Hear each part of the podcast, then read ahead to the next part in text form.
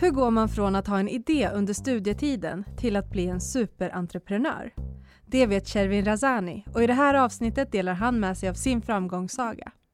Det här är Arbetsförmedlingens jobbpodd med mig, Priya Eklund. Välkommen hit Shervin! Tack så mycket! Jag har bjudit in dig till det här poddavsnittet för att prata om din entreprenörsresa. Mm. Och eh, du började ju från noll, men idag så driver du fem bolag. Du har eh, över 300 anställda. Ni omsätter mer än 300 miljoner kronor. Men hur började det? Hur kommer man dit? Mm. Ja. Ta det från början. Jag tror någonstans så kommer ju alla, bo, alltså alla resor börjar ju oftast med, från noll. Det är sällan det börjar från bättre, så det måste bara inse. Så alla har två händer och en hjärna typ. ja. Men eh, eh, sen så eh, har jag väl krigat mig uppåt. Det, det, går ju aldrig bra i början egentligen förrän som du inte hit, har någon riktig hit. Och det har du sällan. Mm. Eh, jag kommer jag fick en fråga en gång och så sa jag att ni måste inse att ungefär väldigt låg procent extremt låg procent av alla bolag som skapas blir nya eh, Facebook eller Spotify eller Klarna eller vad det nu är. Utan 99,99 är egentligen vanliga dödliga bolag som inte har egentligen revolutionerat något utan att man förbättrar någonting som redan finns. Mm. Eh, och väldigt många tjänstebolag är ju så. Så det, det finns plats för alla. ja men precis. Men eh, för som du säger då, men det var kanske ingen hit från början utan du mm. förbättrade någonting då antar jag mm. eftersom du sa så. Mm. För jag vet ju att du började hyra ut studenter mm. när du själv studerade. Hur kommer man på den idén? Jo, äh, det, det, var faktiskt ganska enkelt. Jag, hade, jag var klar med ekonomilinjen på universitetet och sen så jobbade jag lite extra och så ville jag ha gärna ett mer studierelaterat jobb och skriva på CV. Och då försökte jag sådana. Jag hade inget eget nätverk så jag sökte lite, så det var så svårt att komma in och jag ville till exempel komma in på någon managementkonsultfirma vill jag gärna, typ McKinsey eller något liknande. Eh, eller någon advokatbyrå då om jag senare skulle mm, jag bli även klar med juridiken. Eh, men då hittade jag ingen som kunde hjälpa mig att komma in på de jobben. De som levererade studie, studierelaterade jobb kunde inte, eller studentjobb, det var mera dryga ut eh, studentkassan. Mm. Eh, och då kände jag att det borde ju vara flera som behöver en, lite hjälp. Och på den vägen var det. Så jag, jag började, jag startade Jurek med att vi Eh, vi hyrde ut eh, mina klasskompisar som jurist eller ekonomistudenter. Hur fick du med dina klasskompisar på det här? Nej men det var lugnt. Det, det, det var bara att snacka och sen absolut. så. Ja. Men hur, hur, jag tänker hur marknadsförde du det utåt då? För det, de här mm. tjänsterna har ju funnits. Mm. De har ju funnits ganska länge men liksom hur marknadsförde du att du var Ja men snäppet bättre då? Ja, med extremt mycket självförtroende. Mm. Eh, alltså jag garvar ibland när jag tänker på hur jag gjorde men eh, det var ganska eh, simpelt. Jag, jag har ju säljbakgrund så jag har ju sålt väldigt mycket, allt du kan tänka dig mm. har jag försökt sälja någon gång. Men eh, så att jag började med att jag då på den tiden, då vet ni hur lång tid tillbaka det är i tiden, men det fanns ju jag slog upp gula sidorna för de som mm. är lite yngre, det är alltså en katalog man slog upp nummer i. Eh, så jag började på A och så ringde jag runt till företag som jag trodde kunde tänka sig att behöva mina tjänster, att de ville ha någon student som skulle hjälpa till och sådär. Med lite extra jobb. Och, eh, så den vägen startade jag och så kommer jag ihåg när jag fick komma på ett av mina första möten och då lyckades jag komma in på ett lite större bolag och HR-chefen tyckte, ja men okej fine, det låter bra. Hon bara, vad har, ni, vad, vad har ni för hemsida? Så sa jag det och så tänkte jag, shit den är ju inte klar. Så gick hon in och den tiden var det att när den inte var klar så mm. tog du domännamnet och sen så skrev du ju, så var det så under construction, mm. det var en mm. byggubbe som hamrade typ. Hon sa, du förstår att du har en liten bit på väg att gå innan vi, vad heter det, ja, jag bara, men jag är arbetsgivare, jag har ju F-skatt. Hon bara, ja, det, är, det är i alla fall första steget. så hur som helst, jag lyckades sälja till henne efter ett år, men jag gjorde inte det då. Eh, och där är väl lite grann att man inte över nu var jag alldeles för tidigt ute, man skulle mm. naturligtvis ha gjort klart lite mer innan jag började sälja. Men jag tycker att om man vill starta bolag så ska man inte eh, vänta för länge med att ha den perfekta produkten eller tjänsten innan man säljer. Nej, så ut och testa. Ja, man måste, testa och marknaden produkten. avgör sista 20 procenten var du hamnar. Jag ja. började med studentjobb. Idag så står det för mindre än 1 procent av vår omsättning, okay. inte ens det. Och det är för att den marknaden fanns inte riktigt och den är ganska liten för mm. att leverera just high-end studentjobb. Det finns det är en viss liksom, affär man kan få in i det, men det är extremt begränsat. Så efter två, tre, fyra år så började vi hamna där vi gör egentligen idag. Det var att komma mycket högre upp i värdekedjan och vara hjälpa och rekrytera och hyra ut folk som är mellan kanske sitt andra och tredje, fjärde, femte jobb. Mm. Eh, hade jag börjat eh, liksom i andra änden kanske inte hade kommit dit och sådär så att det är väldigt mycket slump och bananskal som avgör egentligen. Men drivet måste finnas där i, i form av att vilja göra rätt för sig, ha kvalitetstänk och, och sälja tidigt. Mm. Jag tänker i den här processen då som du beskriver, du hade en idé där, du hade väldigt mycket självförtroende säger mm. du själv. Och sen ut och bara försöka sälja in den här tjänsten till andra företag. Mm. Men det låter ju ändå som att du under tiden också har utvärderat väldigt mycket och sen utvecklat ja, din självklart. egen tjänst. Jag låter, nu låter det mer lekfullt. Det är klart att Jo, nej men alltså att, eh, att, det är väldigt viktigt att göra det oavsett kanske om du säljer ett par skor eller om mm. du säljer en tjänst. Eller så. Att det är viktigt att komma ihåg att ja, men det här är inte slutprodukten utan du kan hela tiden bli bättre. Jag, jag tycker att man ska ha en regel att låta de sista 80 procenten ska göra självberoende på tjänst eller produkt mm. och sista 20 kommer kundmarknaden få avgöra. Mm. Och då kan du, eh, bara, genom att lära känna dina kunder, genom att lära känna marknaden, så kan du avgöra och det här, och, åt den här riktningen mm. borde vi eh, ta oss eh, med. Och man ska få gärna ha flera riktningar. För oftast inte, den riktningen kan också bli lite skadad längs vägen. Det är bumpy road alltid. Precis. Jag måste bara fråga, hur lång tid tog det sen innan du fixade hemsidan? Nej, jag, och jag är så dålig på IT själv så att det, jag kunde inte, var ingenting jag kunde göra själv. Men eh, det gick, eh, nu är det här preskriberat så det är lugnt. Jag, jag, hittade en student på universitetet som gjorde det, som, där jag hade vunnit, jag jobbade på bank då. Mm. Eh, då hade jag vunnit rikskuponger i en säljtävling så han fick de rikskupongerna och så fixade han en hemsida. okay. det var bra affär för oss båda. Ja men det låter ju bra. Men under den här resan då, har du Ja, men du gick från ja, men det första företaget, idag har du fem bolag. Mm. Och ja, vi pratade lite innan och det är ju i skilda branscher. Mm. Det är ju inte liksom inom samma den här rekryteringsbranschen. Hur, hur har du tänkt där? När du liksom, är det intresse som har drivit dig eller är det mm. att men jag ser att det går bra här, jag kanske borde göra någonting här. För att mm. när du ändå är igång med ett företag, det är ju lite annat med kapital och grejer också. Att du har ju liksom, det är en annan grej än att starta sitt allra första företag. Alltså när du gör det, det är ungefär som i fotboll att göra första målet. Mm. Då, då kan du lätt göra tvåan och trean. Så att det första eh, målet, då lär du dig oftast, i företagen är det så att då lär du dig hur det ska Alltså allt ska förhålla sig till. Det är allt från när du ska betala in skatten till hur du ska fungera som arbetsgivare, till vilken organisation du ska sätta upp, vad är viktigt från början, vad är inte viktigt. Så det blir lättare att göra fler bolag. Mm. Men första bolaget är ju svårast. Mm. Um, uh, så bara på det så är det lite enklare och, och det. Men däremot så är det ju att det har varit mycket intressestyrt.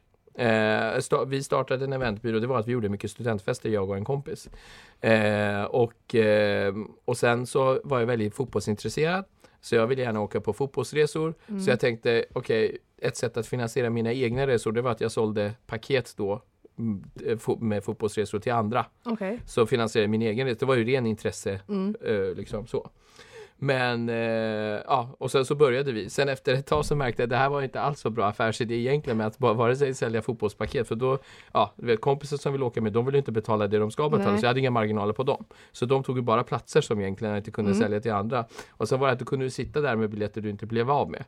Så det var ingen bra affärsmodell. Nej. Men det lilla idén och det att vi hade vi, vi skapade eh, evenemang på på eh, ja, eh, ur festspåret så att säga. Och att till vi idag efter, det här är åtta år sedan, är absolut ett av Sveriges bästa eventbyråer och, och kom tvåa i, i av, eller rankades som tvåa i, av, av branschen. Eh, och av kunderna i landet. Mm. Så att, och det, det, vi jobbar inte alls med fotbollsresor i dagsläget. Det är klart vi gör dem. Men det är, det är bara för att jag är så intresserad av det så det måste mm. de fortsätta göra med. Dem. Men bortsett från det så är det att vi gör mycket andra evenemang som vi inte gjorde förut. Och vi, nu, nu pratar du om fotboll, så då ja. måste jag fråga då. Ja, men du sa att man, om man gör första målet och sen så liksom rullar det på. Har du någon gång känt att du har gjort ett självmål? Att det är så här, åh, oh, varför mm. gjorde jag det här? Liksom motgångar och hur har du i så fall tacklat dem för att sen Ja, men för det är ju psykiskt påfrestande att få en massa nej. Eh, det, det, kan ju kännas tungt. Nu har ju, har ju du mycket självförtroende sa du ju. Men ändå, liksom de här motgångarna som man ändå, som jag tänker att man ändå stöter mm. på när man driver igång nya bolag. Hur har du tacklat dem?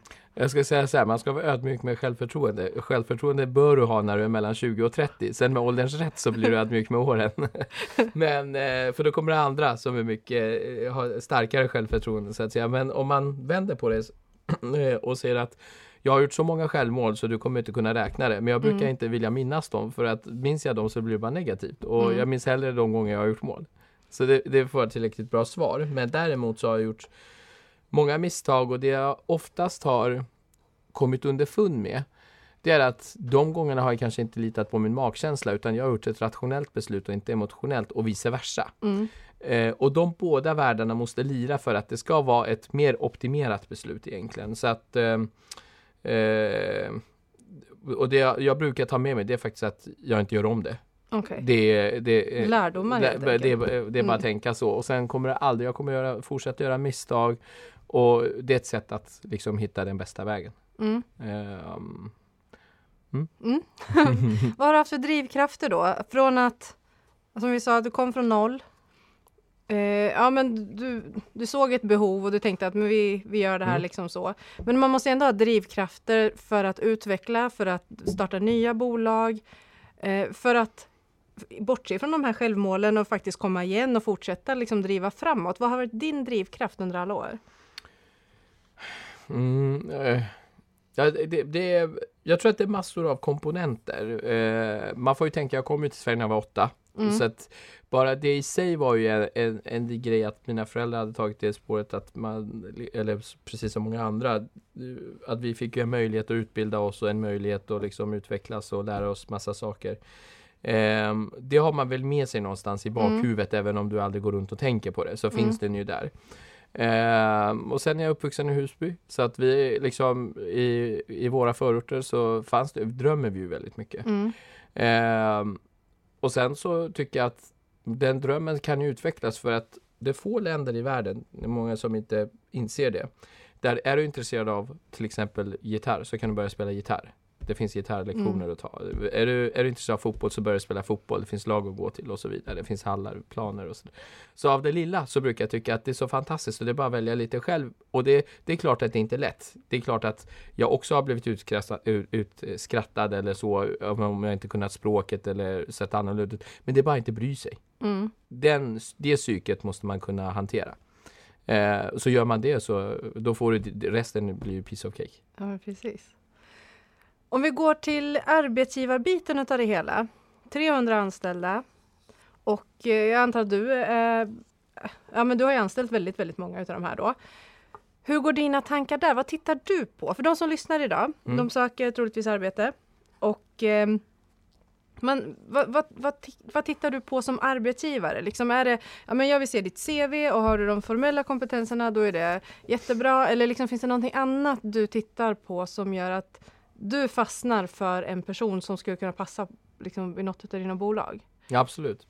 Ehm, b- off, extremt mycket per, alltså personlighet. Mm. Ehm, om du tänker, man kan ju ha två, som arbetsgivare tänker du, och vi, jag tänker al- alltid så. Det finns en formell krav på kompetens och Mm. sen finns det en informell krav på Precis. personlighet.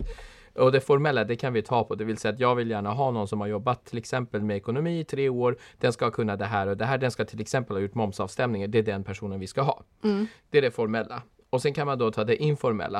Eh, det vill säga att personen i fråga ska också gå ihop med vår grupp, med vår företagskultur gärna. Den ska gärna vara med på måndagsträningarna, vad som helst. Allt Mm. det där ska lira för att man ska tycka att jo men det här är en bra person att och, och anställa. Och när jag väljer så väljer jag oftast nummer två. Det vill säga att informella kraven finns. Sen spelar det ingen roll om den kan moms eller inte. Det kan den alltid lära sig. Men det andra blir svårare att, att Ja, utveckla precis. i, i det. Så att de som söker tycker att man ska inte det är svårt och banalt att säga tror jag, men eh, man ska aldrig ge upp. Och Nej. man ska också se utanför sin, eh, så att säga, eh, jag gör det i alla fall som chef. Det vill säga att om jag hit, har du jobbat med service så kan du ha, jobba väldigt mycket olika branscher. Har du jobbat med administration Mm. så bara med lite få medel så kan ni helt plötsligt få en ny karriärsbana. Ehm, och sen så är det några saker som jag tycker måste införas i extremt många framgångsrika organisationer om man vill fortsätta vara framgångsrik.